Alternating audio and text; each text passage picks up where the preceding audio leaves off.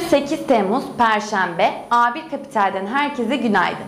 Federal Açık Piyasa Komitesi'nin Haziran ayı toplantı tutanakları FED üyelerinin varlık alımlarında bir azaltımın değerlendirilmeye başlanması için ortaya konan FED'in hedeflerine doğru önemli ilerleme şartının henüz yerine gelmediğini ortaya koydu.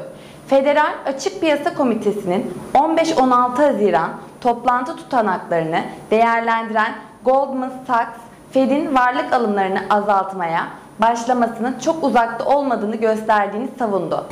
Atlanta Fed Başkanı Rafael Bostic, Fed'in aylık 120 milyar dolarlık tahvil alım programını azaltmaya başlamasının zamanının yaklaştığını söyledi.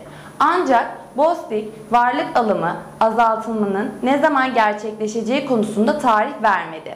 Atlanta Fed Başkanı Rafael Bostic, Delta varyantı nedeniyle koronavirüs vaka sayılarında yeni bir artış yaşanmasının tüketicilerin geri çekilmelerine ve Amerika ekonomisine toparlanmasının yavaşlamasına neden olabileceğini söyledi.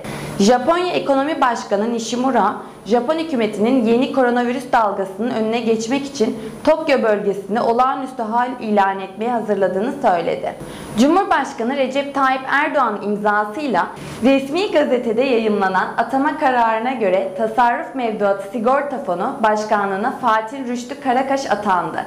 Veri gündemine baktığımızda yurt dışında Almanya dış ticaret dengesi ve cari işlemler dengesi verileri, ABD'de işsizlik başvuruları verisi, en önemli gündem maddeleri BIST 100 endeksine gelen alımların güçlenmesi sonucu gün kapanışı 1390 seviyesi üzerinde gerçekleşti.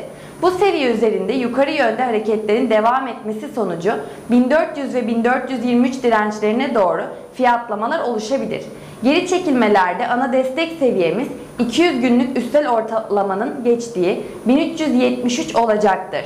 Bu seviyenin aşağısında 1350 desteğinin bulunduğunu hatırlatalım. Pozitif kalın, herkese bol kazançlar.